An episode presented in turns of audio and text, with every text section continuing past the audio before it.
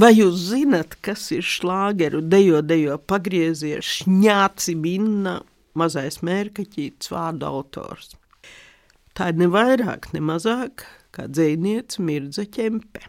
Atgādināšu, ka viņa bija pirmā Latvijas radio, kā toreiz teica, spīkere, savu karjeru uzsākot nu jau tik tālajā 1928. gadā.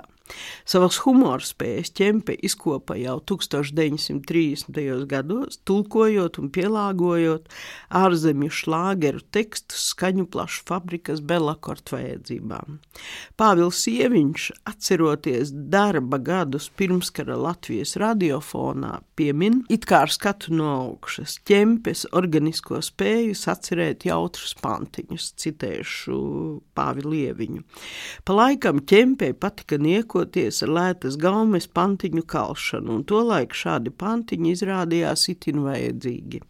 Skaņu plašu ražošanai arvien vairāk attīstoties deju mūzikas nozarē parasti iedziedāja skaņu platēs jaunākos citzemju grāvējus jeb šlāgerus, kuriem steidzīgi bija vajadzīgi latviskoti teksti.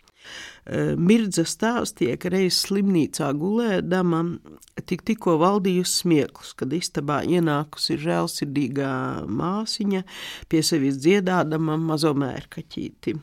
Nenojausdama, ka tekstu autore tepat guļ un klausās, citātam beigas. Tulkoto tekstu autoras ķempes vārds nekur publiski neparādījās, un viņa pēc tam dabiski padomu laikos arī par to nerunāja. Ķempēja padomi laikā ir laba mīlestības lirika, bet pilnīgi nebaudāma sabiedriski tendētā dzēja. Pie tam viņa pati apzinājās, ka raksta muļķības, jo viņai bija izcila humora izjūta.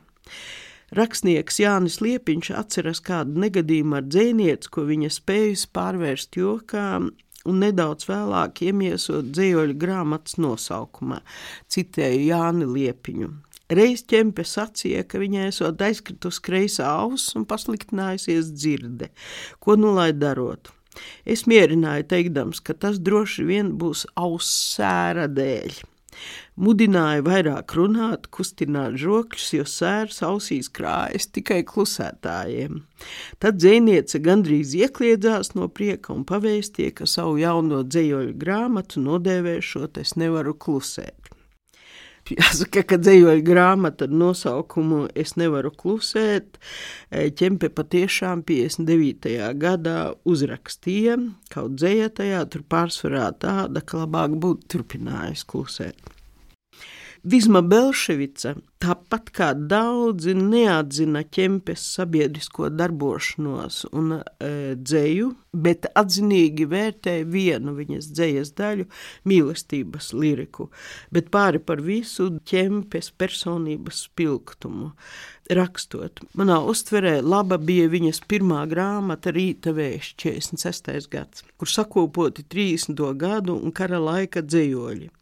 Kā cilvēks viņa bija ļoti tieša, vaļsirdīga. Viņa ienesa dzīvību rakstnieku savienības sajietos ar savu diktoras balsi, ar savu zināmu bērnišķību. Kad viņa nomira, pēkšņi es jūtu, ka rakstnieku savienība ir kļuvusi tāda kā pelēkāka kā kartupeļu lauks, no kura izrauta magone, tā Belševica.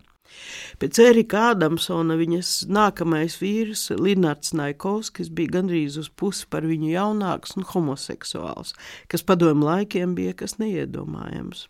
Vēl vairāk dzēniece veltījusi Naikovskim virkni dzējoļu, kas, lai tiktu publicēti, ietverti nelielā aizplīvurojumā, bet gana brīvi, un tie ir Dzējoļi to nemīli, vai tam, kas smējas, vai savādais draugs, vai tik brīvais, varbūt vēl kādi.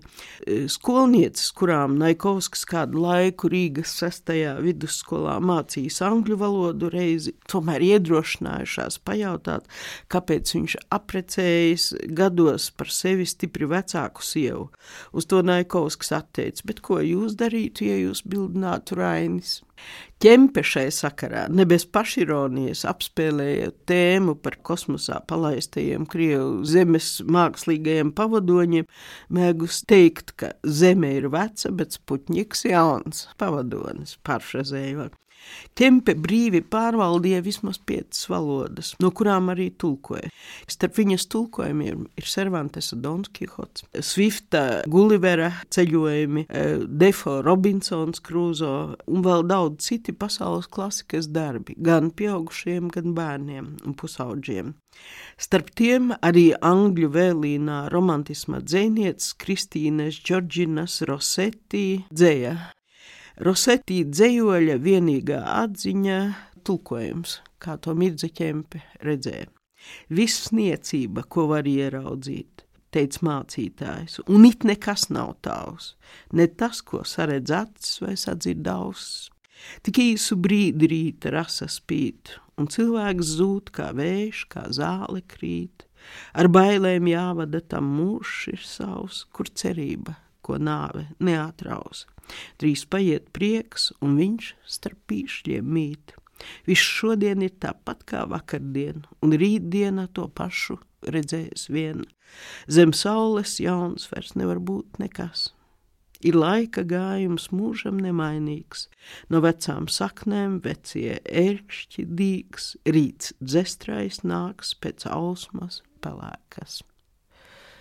Ķempei piemita tulkotājas talants, humora talants, bet arī savas vājības. Un man liekas, ka mums jāzina gan viens, gan otrs, jo tā ir mūsu kultūra mantojuma daļa.